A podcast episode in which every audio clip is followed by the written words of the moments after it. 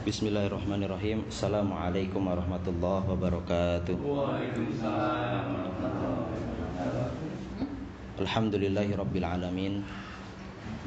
Alhamdulillahilladzi arsala Rasulahu bidinil haqqi liyudhhirahu ala dini kullih walau karihal kafirun. Allahumma salli ala sayyidina Muhammad wa ala ali sayyidina Muhammad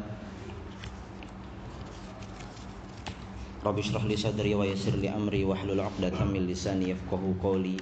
Allahumma anfa'na bima 'allamtana wa 'allimna ma yanfa'una warzuqna 'ilman yanfa'una. Amin ya rabbal alamin.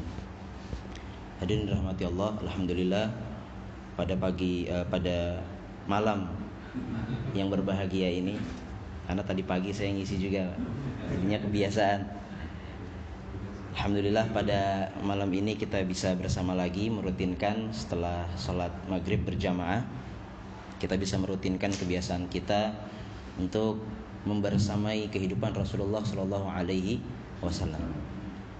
Namun sebelum kita mulai untuk membersamai kisah hidup Rasulullah Shallallahu Alaihi Wasallam, saya ingin membawakan sebuah hadis yang diriwayatkan oleh Al Imam Abu Dawud dalam kitab Sunannya di mana pernah suatu kali Rasulullah Shallallahu Alaihi Wasallam mendatangi para sahabatnya yang yang mana para sahabatnya ini adalah ahlu sufah. Jadi dahulu pada zaman Rasulullah hidup di Madinah itu Masjid Nabawi itu di bagian belakang itu ada ditempati oleh para kaum ahlu sufah. Siapa ahlu sufah? Ahlu sufah ini adalah orang-orang muhajirin, orang-orang yang dahulu berhijrah dari Mekah ke Madinah saat Rasulullah diperintahkan untuk hijrah oleh Allah. Para sahabatnya, sebagian sahabatnya ini ada yang hijrah tanpa membawa keluarga, tanpa membawa harta. Artinya hijrah dari Mekah ke Madinah tanpa membawa apa-apa, hanya membawa dirinya sendiri. Bayangkan bagaimana betapa sulitnya kehidupan para kaum ahlu sufah sampai mereka di Madinah pun tidak memiliki tempat ting tempat tinggal. Makanya mereka bertinggal atau berdiam diri di di belakang masjid. Kemudian mereka disebut dengan ahlu suf ahlu sufah nah suatu hari Rasulullah Shallallahu Alaihi Wasallam mendatangi mereka. Kemudian kata Rasulullah Shallallahu Alaihi Wasallam kepada mereka ayyukum yuhibbu dua ila buthan awil akik fayakhudha naqataini qauma waini zahrawaini bighairi ithmin billahi azza wa jal wala qat'i rahimin Adakah di antara kalian ada yang mau pergi ke pasar unta di daerah uh, Buthan atau daerah Akik. Nah, ini dua pasar unta yang waktu itu paling dekat dari kota Madi, Madinah. Ada nggak di antara kalian yang mau datang, mau pergi ke pasar unta untuk mengambil dua unta? Nakoh nakota ini kaumawaini zahrawaini. Dua unta yang paling bagus. Jadi unta yang ini yang disebutkan oleh Rasulullah adalah unta yang paling bagus.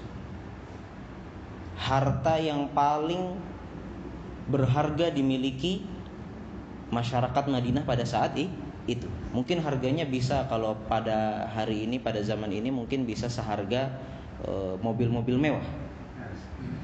Nah, ini apa Pak? Mobil Mercy. Mungkin mobil F1 juga bisa. Pokoknya ada nggak nih di antara kalian yang mau ngambil dua dua unta yang sangat mewah tersebut? Bi ghairi ithmin gratis saja.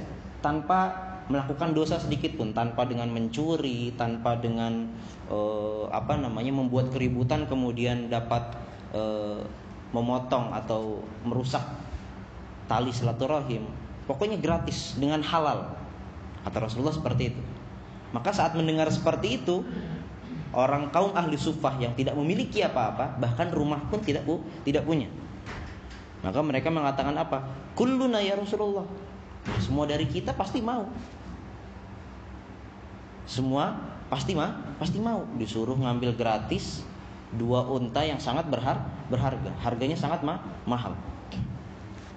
Maka kemudian apa kata Rasulullah SAW beliau berkata Falaan dua ahadukum kulla yaumin ila masjid fayata'allam ayataini min kitabillahi azza wa jal khairun lahu min naqataini wa in thalathun fa thalathun mithlu a'dadihinna minal ibil.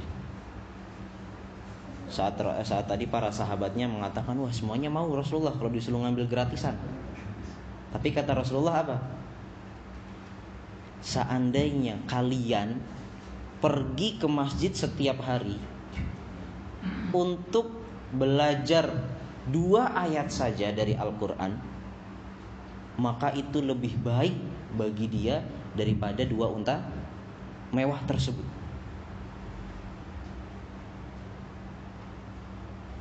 kalau mempelajari tiga ayat maka lebih baik daripada tiga unta mewah tersebut dan seterus dan seterusnya kalau lima ayat berarti lebih baik dari lima unta.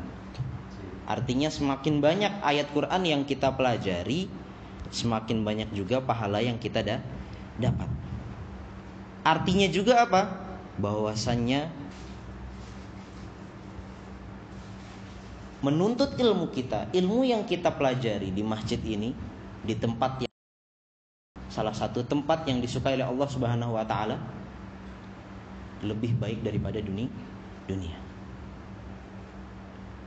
Apalagi kita saat ini sedang mempelajari kisah perjalanan hidup Nabi Muhammad Shallallahu Alaihi Wasallam, yang mana sering kita katakan bahwasanya Rasulullah Shallallahu Alaihi Wasallam itu apa?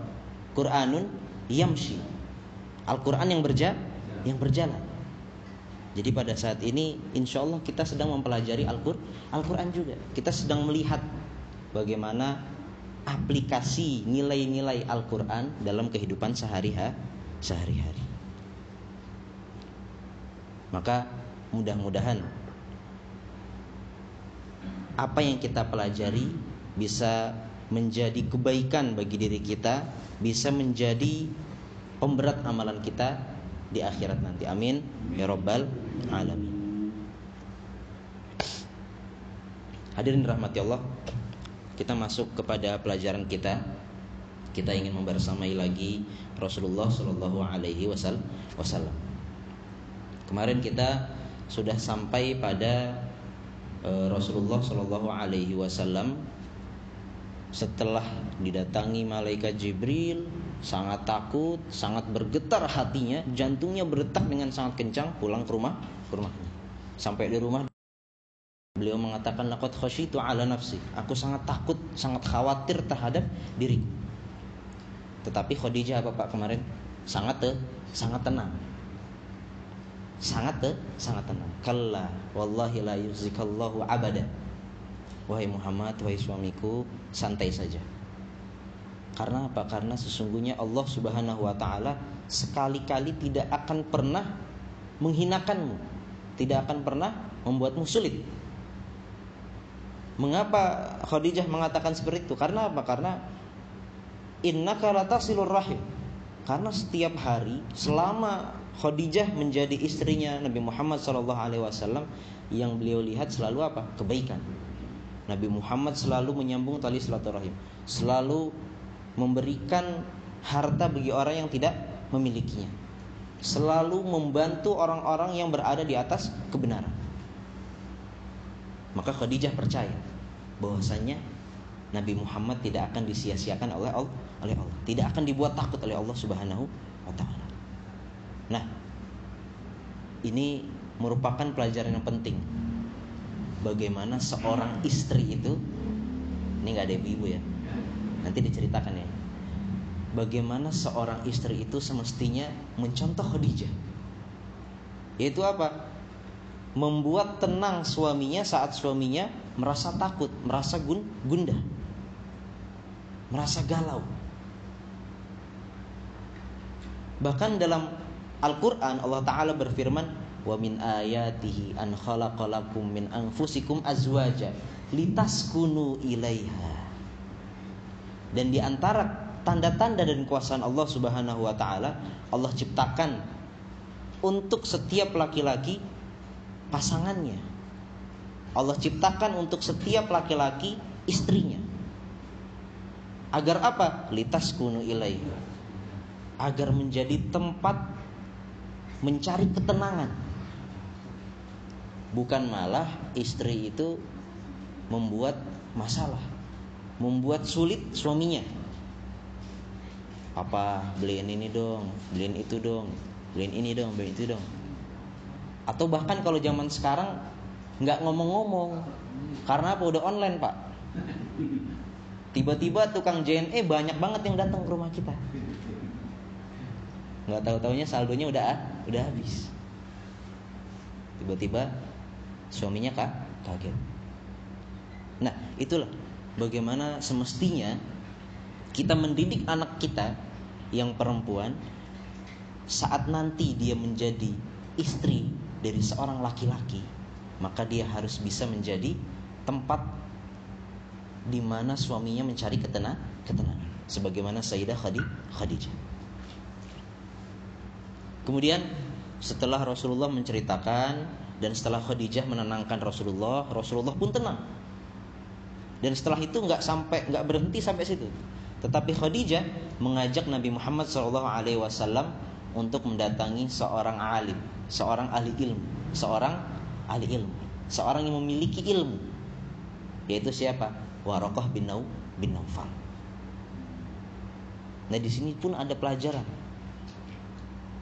Apa itu? Saat ada peristiwa-peristiwa, masalah-masalah yang kiranya perlu tafsiran, perlu kita ketahui apa sih maksudnya. Khadijah mengajak Rasulullah ke alim yang tahu agama, yang bisa menyelesaikan masalah dengan syar'i, dengan benar, sesuai tuntutan agama, agama. Bukan dibawa ke dukun, bukan dibawa ke paranor, paranormal. Maka dari itu sangat penting sekali kita memperhatikan kualitas calon istri kita atau istri anak-anak kita. Bahkan dalam sebuah hadis Rasulullah Shallallahu Alaihi Wasallam mengatakan apa? Tungkahul mar'atu li arba li jamaliha, li maliha, li nasabiha wa li diniha.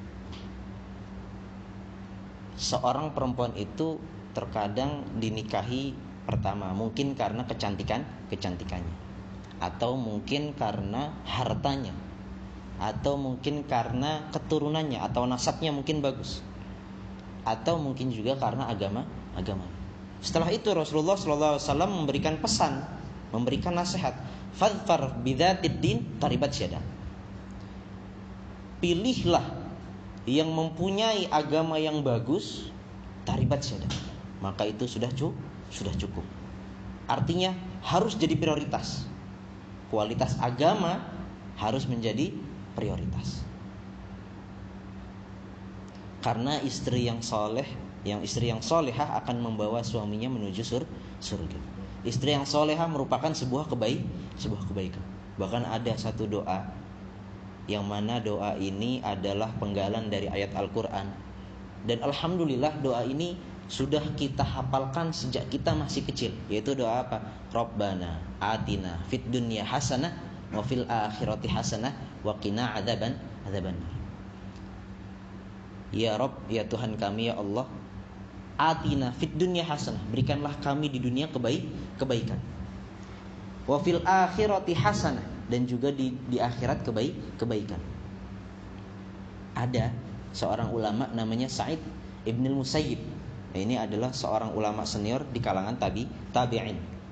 Masih ingat Pak tabi'in siapa Pak? Tabi'in itu generasi yang lahir setelah Rasulullah Shallallahu Alaihi Wasallam wafat. Mereka belum melihat, belum pernah melihat, belum pernah bertemu Rasulullah Shallallahu Alaihi Wasallam. Tapi mereka bertemu dengan siapa? Bertemu dengan para sah sahabat. Nah, mereka ini disebut dengan tabi'in, generasi tabi tabi'in. Nah, ini ada ulama salah satu ulama senior dari generasi tabi'in yaitu siapa Sa'id bin Musayyib. Seorang anaknya pernah, anak dari Sa'id bin Musayyib pernah bertanya, "Wahai ayah, dari ayat Rabbana atina fid dunya hasanah wa fil akhirati hasanah, Ya Allah berikan aku kebaikan di dunia dan juga berikan aku kebaikan di akhir di akhir. Aku sudah mengetahui wahai ayahku bahwasanya kebaikan di akhirat itu artinya adalah sur surga.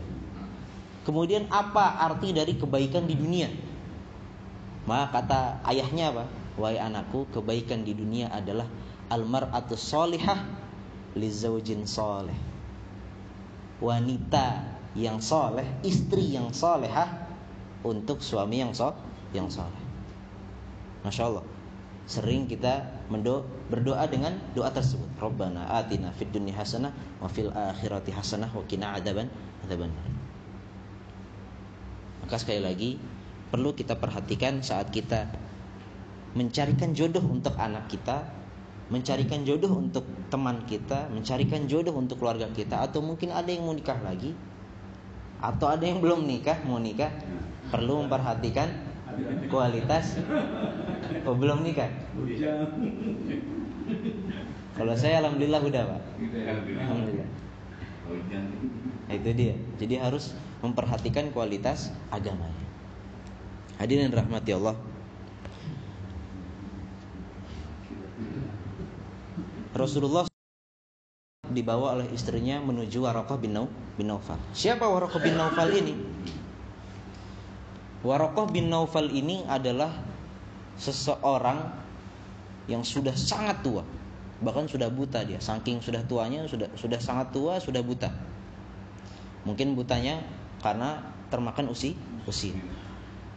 Dan Warokoh bin Naufal ini orang yang masih konsisten di atas agama Nasrani.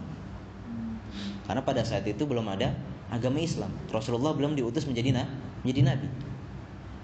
Jadi Waroko bin Naufal pada saat itu masih konsisten di atas agama Nasra, Nasrani yang murni. Masih lurus Nasraninya. Bahkan dia seorang alim. Dia mengetahui isi-isi ajaran agamanya yang be, yang benar. Bahkan Warokoh bin Naufal dari ajaran agamanya mengetahui bahwasanya suatu hari nanti akan ada nabi yang diutus ia tahu sifat-sifat Nabi tersebut apa. Ia tahu bagaimana nanti peristiwanya akan terja terjadi. Artinya di sini apa pak? Pada saat Rasulullah Shallallahu Alaihi Wasallam hidup, di situ ada kaum masyarakat yang masih di atas agama Nasrani yang lurus, ada yang menyembah berhala, berhala. Dan mereka sebenarnya tahu bahwasanya nanti akan ada nabi yang diu, diutus.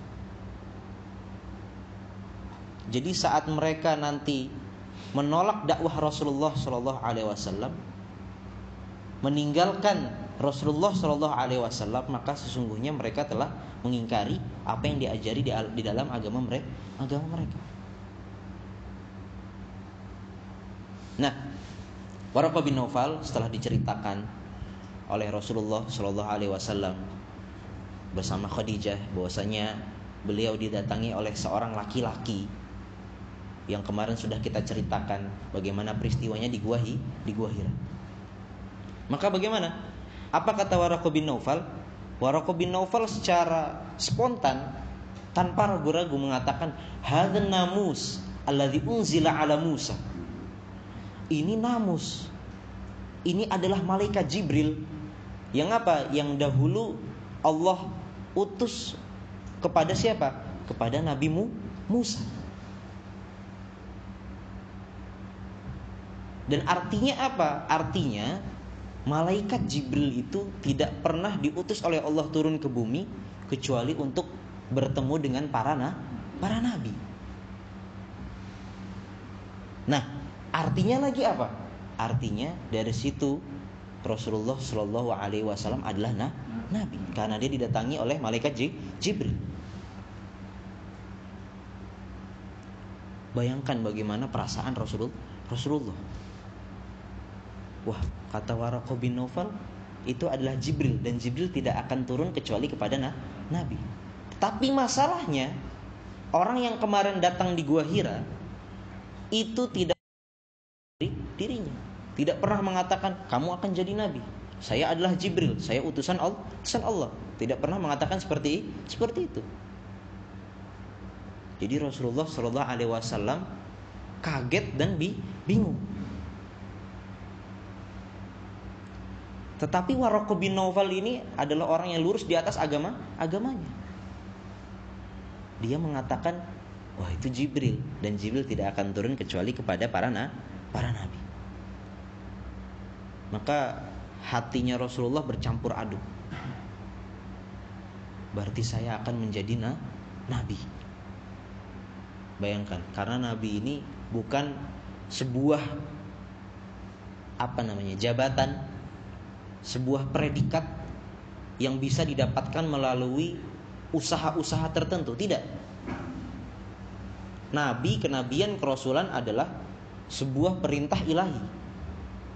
Nggak bisa kita kemudian sholat satu hari seribu rokat kemudian nanti dijanjikan akan jadi nabi. Tidak bisa. Tetapi kenabian dan kerasulan adalah wahyu pemberian langsung dari Allah Subhanahu wa taala. Maka kemudian Waraqah bin Naufal melanjutkan perkataannya. Ya laitani fiha jad'an. Ya laitani fiha jad'an. Sebentar.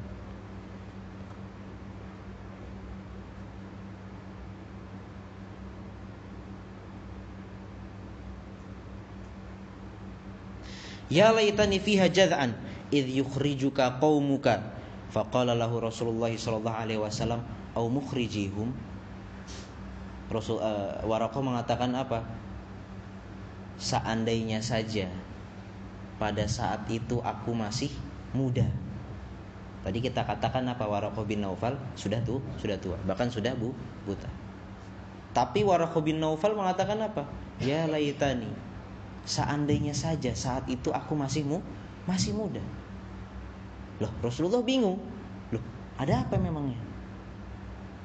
Tadi Waraqah bin Nawfal mengatakan, seandainya aku saja masih mu, masih muda.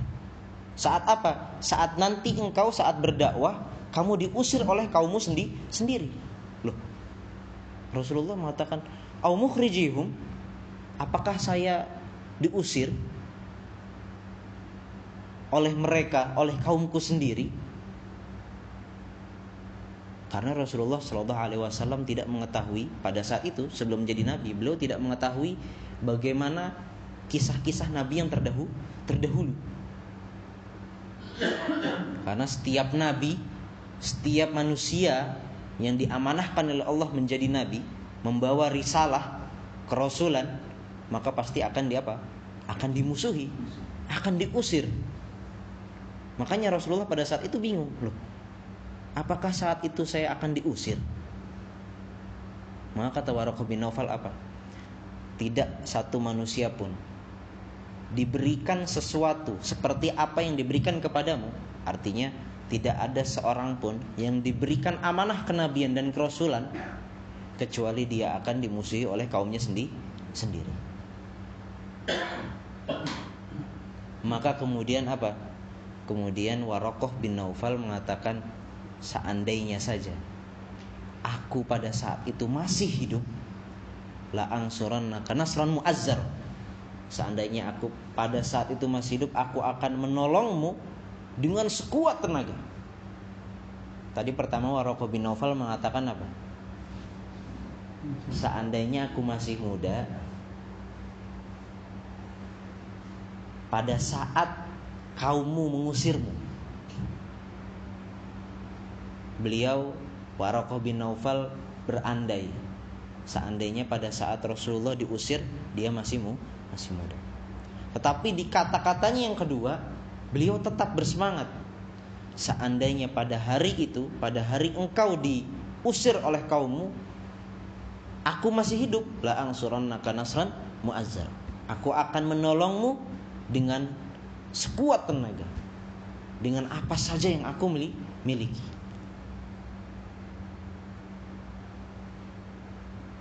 Kemudian apa? Tadi kita mendapatkan sebuah kaidah dari Warokoh bin bin Nawfal. Tidaklah seorang pun yang diberikan kepadanya sesuatu sebagaimana engkau diberikan sesuatu tersebut kecuali akan dimusuhi oleh kaum kaumnya sendiri. Ini adalah kaidah yang dibawakan oleh Warokoh bin Naufal kepada Rasulullah Shallallahu Alaihi Wasallam dan juga kepada manusia seluruhnya, bahkan kepada kita.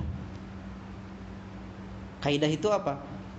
Orang yang berusaha untuk berdakwah pasti akan dimusuhi.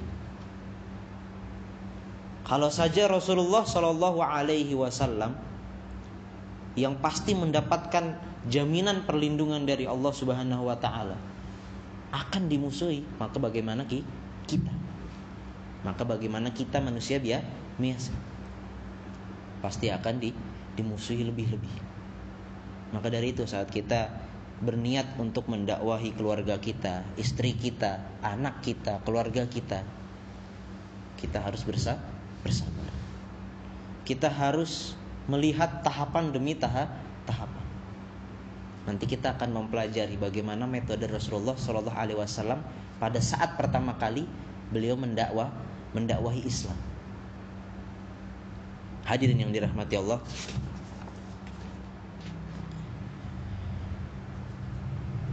Tetapi Warokoh ternyata meninggal atau wafat sebelum Rasulullah Shallallahu Alaihi Wasallam secara jelas dan secara terang-terangan diperintahkan oleh Allah Subhanahu Wa Taala untuk berda berdakwah. Tetapi bagaimana statusnya Warokoh? Apakah dia beriman? Ya, dia beri, dia beriman. Bahkan sebelum turun, karena nanti ada wahyu yang kedua, yang kedua, di mana wahyu yang kedua ini apa? menyuruh memerintahkan Allah memerintahkan Rasulullah mulai berdak berdakwah. Warokoh sebelum turun wahyu itu beliau sudah wafat. Tetapi kemarin saat pertama kali Rasulullah Shallallahu Alaihi Wasallam mendapatkan peristiwa di Gua Hira, kemudian dibawa oleh istrinya Khadijah ke Warokoh bin Naufal, ia mengatakan apa? Di situ ia menunjukkan dari perkataan-perkataannya bahwasanya dia beriman kepada Rasulullah Shallallahu Alaihi Wasallam. Bahkan dalam sebuah hadis Rasulullah Shallallahu Alaihi Wasallam mengatakan apa? Aku melihat dalam mimpiku Warokoh berada di sur di surga. Tidak tidak ada orang masuk surga kecuali dia beri beriman. Artinya Warokoh adalah orang yang beri beriman. Sudah mempercayai beriman kepada Rasulullah Shallallahu Alaihi Wasallam. Dan mimpinya para nabi adalah hak, adalah kebenar, kebenaran Hadirin rahmati Allah, Warokoh meninggal sebelum Rasulullah Shallallahu Alaihi Wasallam diberikan perintah oleh Allah Subhanahu Wa Taala untuk mulai berdakwah. Tetapi Warokoh sebelum wafat dia memberikan kaidah kepada ki kepada kita. Tadi itu kaidah bagaimana seorang dai untuk bersabar dalam setiap langkah dakwah dakwah. Hadirin rahmati Allah setelah Rasulullah Shallallahu Alaihi Wasallam mendengar perkataan Warokoh bin Naufal bahwasanya Jibril datang kepadanya dan Jibril tidak akan turun kepada Nabi. Rasulullah pun tadi apa? Percaya nggak percaya? Tapi dalam hati beliau masih ada keinginan untuk mendapatkan sesuatu yang lebih meyakinkan dia. Beliau Nabi Muhammad ingin sesuatu yang lebih jelas lagi, lebih terang lagi bahwasanya benar-benar aku ini nabi dan rasul Allah, rasul Allah. Maka Allah alaihi wasallam akhirnya ingin lagi kembali ke gua Hira. Siapa tahu Nabi eh, malaikat Jibril datang kembalilah kembali lagi menurunkan wahyu. Ingin Nabi Muhammad malaikat Jibril datang bahkan bukan hanya di gua Hira, di mana pun tidak apa-apa yang penting di situ dia mendapatkan lebih keyakinan bahwasanya ia benar-benar nabi ataupun rasul. Tapi apa yang terjadi? Ternyata sudah ditunggu beberapa hari ternyata tidak turun wahyu itu. Malaikat Jibril tidak lagi datang. Yang menyebabkan Rasulullah Shallallahu alaihi wasallam sedih, galau. Kata para ahli sejarah ini waktunya sekitar 3 sampai 40 hari tidak turun wah, tidak turun wahyu dari hari pertama turunnya wahyu yang pertama yang pertama. Rasulullah sangat rindu sekali, ingin sekali dia dibebani atau diamanahi oleh Allah Subhanahu wa taala untuk berdakwah. Tetapi masalahnya beliau ingin sebuah keyakinan lagi, lebih yakin lagi. Beliau sedih. Hingga pada suatu hari Rasulullah SAW sedang berjalan. Dalam sebuah hadis Rasulullah mengatakan apa? Bainama bainama amshi suatu hari aku berjalan beliau mendengar sebuah suara ada memanggil nama beliau. Maka Rasulullah melihat ke arah depan. Tidak apa-apa tidak ada apa-apa. Beliau melihat ke arah belakang. Tidak ada apa-apa. Beliau melihat ke arah kanan. Tidak ada apa-apa. Beliau melihat ke arah kiri pun tidak apa-apa tidak ada apa-apa. Tapi saat beliau melihat ke atas Ternyata beliau melihat sosok malaikat Jibril yang waktu itu datang di gua Hira. Sosok itu sedang duduk di atas kur kursi. Dan kemudian sosok itu mulai mende mendekat. Maka pada saat itu juga Rasulullah Shallallahu Alaihi Wasallam lari kembali ketakut ketakutan. Belum kembali sampai di rumah ada istrinya Nabi Muhammad mengatakan apa? Dathiruni, dathiruni, zammiluni, zammiluni. Peluk aku, peluk aku. Selimuti aku, selimuti aku. Saking takut, takutnya. Maka setelah itu malaikat Jibril turun mendekat dan kemudian malaikat Jibril menurunkan wahyu yang kedua. Ya ayyuhal apa Pak? Muddat muddathir. Kum fa'angzir Wahai orang yang sedang apa? Yang sedang berselimut Bangunlah engkau. Kum fa'angzir. Bangunlah dan berilah peringat, peringatan. Mulailah dak, dakwah. Pada saat itulah Rasulullah Shallallahu Alaihi Wasallam apa? Hilang kecemasan beli beliau. Hilang keraguan beliau. Dan berubah keadaan Rasulullah Shallallahu Alaihi Wasallam yang tadinya masih ragu, masih galau, yang tadinya masih sedih karena wahyu tidak turun-turun, tapi pada saat itu malaikat Jibril turun dengan membawa wah, wahyu. Ya ayyuhal muddath muddathir, kum fa'angdir. Hai orang yang berselimut, bangunlah dan berilah peringat, peringatan. Dan pada saat itulah Rasulullah Shallallahu Alaihi Wasallam memulai perjalanan panjang dakwahnya. Memulai perjalanan panjang dakwah dakwahnya. Dan sejak saat itulah Rasulullah Shallallahu Alaihi Wasallam tidak pernah sedikit pun beristirahat dari yang namanya menyebarkan agama Allah, agama Allah. Bahkan biasanya Khadijah itu mengatakan apa kepada Rasulullah, "Wahai Rasulullah, wahai suamiku, tolong istirahat sebentar." Tapi apa kata Rasulullah? Mada waktu naum ya Khadijah. Sudah lewat waktunya bersantai-santai wahai Khadijah. Sekarang waktunya kita untuk berdak berdak menyebarkan agama Allah, agama Allah. Hadirin yang dirahmati Allah. Sekarang adalah waktunya Rasulullah Shallallahu Alaihi Wasallam untuk apa? Untuk berdakwah beliau ingin sekali dakwah beliau ini penyampaian beliau tentang agama Islam, tentang agama Allah ini sampai kepada seluruh manusia di muka bumi ini. Kepada seluruh golongan manusia, yang kaya, yang miskin, yang hitam, yang putih, yang apalagi, yang tua, yang muda, yang kecil, yang besar, beliau ingin semuanya terkena dakwah beliau. Semua tersampaikan dakwahnya. Maka bagaimana Rasulullah Shallallahu Alaihi Wasallam memulai dakwahnya? Kepada siapa Rasulullah Shallallahu Alaihi Wasallam berdak berdakwah? Karena yang beliau bawa ini adalah Islam, yang mana Islam ini datang kemarin kita pernah eh, apa namanya katakan juga antara wafatnya Nabi Isa dan diutusnya Nabi Muhammad Shallallahu Alaihi Wasallam menjadi nabi itu berapa? Para sejarah mengatakan sekitar 600 tahun. Artinya dakwah tauhid yang dahulu dibawa oleh Nabi Isa sudah banyak terjadi penyelewengan, sudah banyak ditinggalkan manusia manusia. Nah, sekarang Islam kembali datang membawa dakwah tauhid tersebut.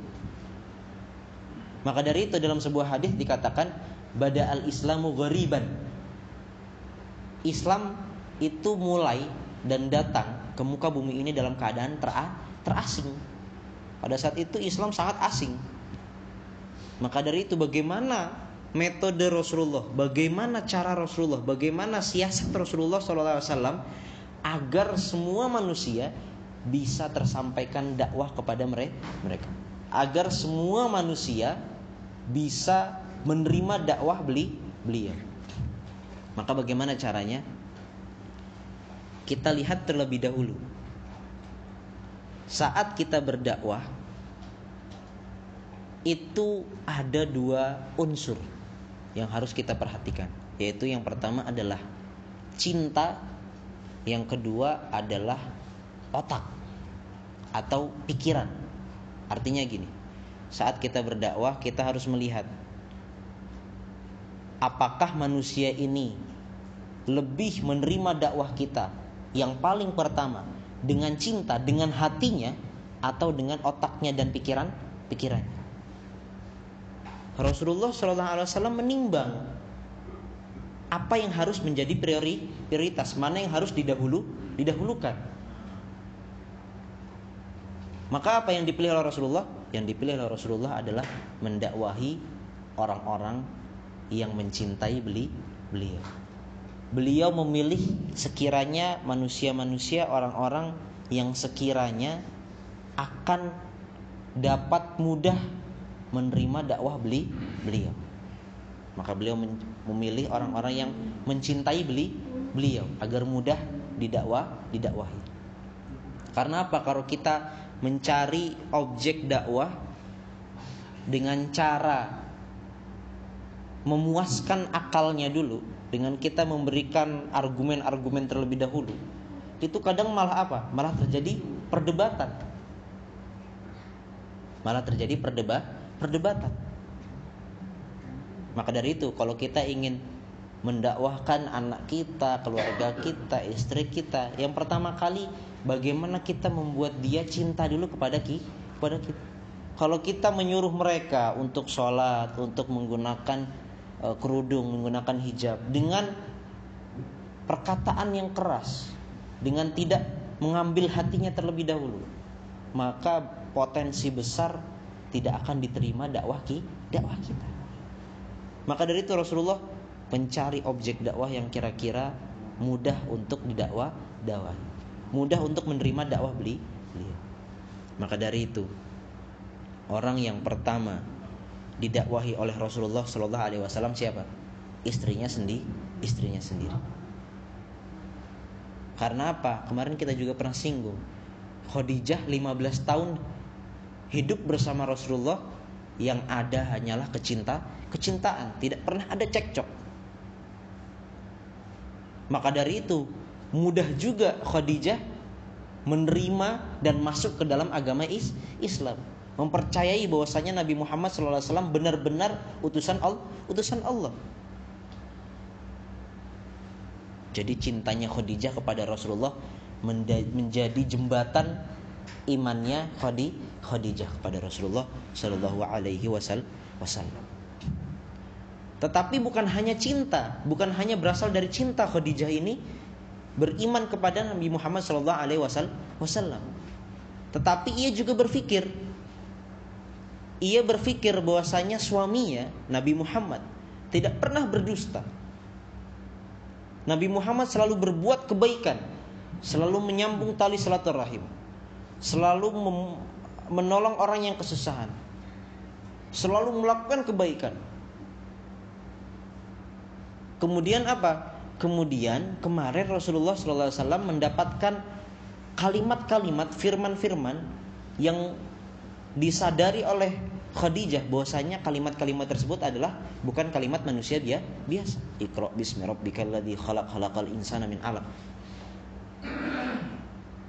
Ya ayyuhal muddatsir kum fa'anzir. Dia sadar, oh ini bukan perkataan orang biasa, ini perkataan ilah, ilahi, ini perkataan Allah. Artinya apa? Artinya ada kekuatan di atas kekuatan. Manusia memiliki kekuatan, di sana ada kekuatan lah, lain. Ada kekuasaan lain, yaitu kekuasaan siapa? Allah Subhanahu wa taala. Bukan hanya cinta, bukan hanya berasal dari cinta. Khadijah beriman kepada Rasulullah SAW, tapi juga dengan menggunakan a, akal. Tapi tadi yang pertama apa? Yang pertama adalah cinta dengan ha, dengan hati. Kemudian setelah Rasulullah Shallallahu Alaihi Wasallam mendakwahi istrinya Khadijah, yaitu wanita yang paling dicintai oleh Rasulullah Shallallahu Alaihi Wasallam, maka kemudian Rasulullah mendakwahi laki-laki yang paling dicintai oleh Rasulullah, yaitu siapa? Abu Bakar Asid Asiddi. Bahkan dalam suatu hadis pernah Rasulullah SAW ditanyakan oleh para sahabatnya, wahai Rasulullah, siapakah manusia yang paling kau cintai? Maka kata Rasulullah apa? Abu ba Abu Bakar. Jadi Abu Bakar adalah lelaki yang paling dicintai oleh Rasulullah Shallallahu Alaihi Wasallam. Tetapi perlu kita perhatikan, perlu kita kaji bagaimana Islamnya Abu Bakar Asid Asiddik. Mengapa Abu Bakar As-Siddiq cepat tanpa ragu-ragu beriman kepada Rasulullah Shallallahu Alaihi Wasallam menerima dakwah Nabi Muhammad. Beliau tanpa ragu-ragu saat didakwahi oleh Rasulullah beliau langsung membenarkan, langsung mempercayai. Bahkan Rasulullah Shallallahu Alaihi Wasallam mengatakan apa? Tidaklah seorang aku datangi untuk aku dakwahi masuk Islam untuk beriman kepada Allah dan juga Rasulnya kecuali pasti akan ada keraguan pada awal-awal awal-awalnya. Kecuali Abu Bakar. Dia langsung percaya tanpa keraguan sedikit pun. Kalau orang lain biasanya kata Rasulullah masih ada keraguan-keraguan sedikit di hatinya. Tetapi Abu Bakar langsung percaya. Nah kita coba kaji sedikit mengapa Abu Bakar eh, cepat menerima dakwah Rasulullah Shallallahu Alaihi Wasallam. Yang pertama adalah karena kecinta kecintaan. Dan yang kedua adalah apa? Yang kedua adalah bahwasanya antara Abu Bakar As-Siddiq dan juga Rasulullah Shallallahu Alaihi Wasallam ada sifat-sifat yang mirip-mirip. Ada akhlak-akhlak yang mereka du, eh, mereka berdua miliki yang sama. artinya ada kesamaan apa? Kesamaan akhlak, kesamaan kebiasa kebiasaan. Rasulullah SAW adalah manusia yang tawadu. Begitu juga Abu Bakar, orang yang tawa tawadu. Rasulullah SAW adalah orang yang jujur. Begitu juga Abu, ba Abu Bakar adalah orang yang ju jujur. Itulah yang kemudian membawa Abu Bakar mudah dan cepat mempercayai dan beriman kepada Rasulullah Shallallahu Alaihi Wasallam. Hadirin rahmati Allah, kita sudah mendapatkan apa tadi? Wanita yang paling dicintai oleh Rasulullah. Wanita yang pertama masuk Islam. Kemudian yang kedua, laki-laki yang paling dicintai oleh Rasulullah, yaitu Abu Bakar. Laki-laki yang paling yang paling pertama masuk is Islam. Laki-laki dewa dewasa. Kemudian setelah Rasulullah Shallallahu Alaihi Wasallam, ini semuanya dalam satu hari ya pak ya, semuanya dalam satu ha, satu hari kejadiannya. Setelah beliau mendakwahi Abu Bakar, kemudian selanjutnya Rasulullah Shallallahu Alaihi Wasallam mendakwahi Zaid bin Harithah. Siapa Zaid bin Harithah? Zaid bin Harithah ini adalah dahulunya budak, kemudian dimerdekakan oleh Rasulullah Shallallahu Alaihi Wasallam. Kalau dalam bahasa Arab disebutnya maula. Jadi Zaid bin Harithah maula Rasulullah Shallallahu Alaihi Wasallam. Zaid bin Harithah orang yang dimerdekakan oleh Rasulullah Shallallahu Alaihi Wasallam. Zaid bin Harithah ini sudah ceritanya gini. Zaid bin Harithah ini dulu uh, berasal dari luar Mekah. Suatu hari dia dicu diculik. Diculik, dibawa ke Mekah sama seseorang, kemudian diju dijual. Zaman dahulu masih banyak perbudakan, Pak. Zaid bin Haritha dijual sebagai bu. Kemudian dibeli oleh siapa? Hizam bin Hakim. Hizam bin ha bin Hakim. Siapa Hizam bin Hakim ini? Adalah keponakannya Khadijah. Dibeli oleh keponakan Khadijah kemudian dihadiahkan budak itu Zaid Haritha dihadiahkan oleh Hakim bin Hizam kepada siapa? Kepada Khadi Khadijah. Jadi milik Khadi Khadijah. Ini sebelum Rasulullah apa namanya menikahi Khadijah. Setelah Rasulullah SAW menikah dengan Khadijah, maka Khadijah memberikan Zaid bin Harithah kepada Rasulullah Shallallahu Alaihi Wasallam. Dihadiahi Rasulullah.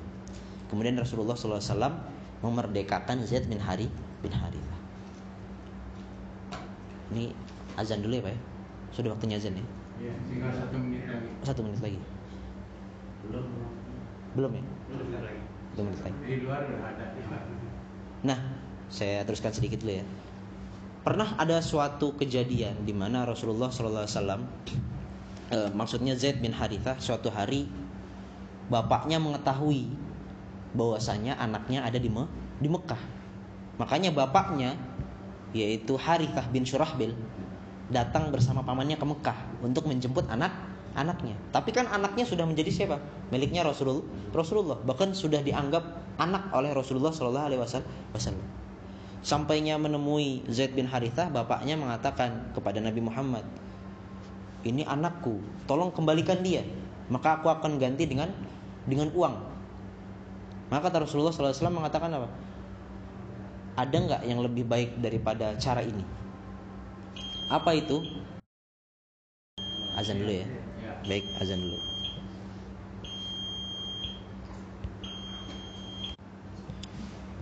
Baik, kita lanjutkan. Jadi ayahnya datang, kembalikan anak saya. Saya akan ganti dengan u uang. Tapi kata Rasulullah, ada nggak yang lebih baik daripada itu? Kata ayahnya, apa itu? Baik, aku panggil Zaid bin Harithah, kemudian kita berikan pilihan kepada dia. Zaid, Zaid bin Harithah sih. Kita membuat kepada kamu pilihan. Kalau kamu mau kembali kepada ayahmu, maka silahkan. Tapi kalau kamu mau bersama aku tetap, maka apa? Maka bukan berarti saya tidak suka atau membenci ayahmu. Maka tanpa ragu-ragu Zaid bin Harithah mengatakan apa? Aku tidak akan meninggalkan Rasulullah Shallallahu Alaihi Wasallam. Aku tidak akan meninggalkan Muhammad karena pada saat itu belum belum diutus menjadi nabi. Karena apa? Karena Zaid bin Harithah melihat Nabi Muhammad Shallallahu Alaihi Wasallam dari akhlaknya, dari bagaimana cara bersosialnya, ini orang yang setia. Maka pun aku pun harus setia pada Nabi Muhammad Wasallam.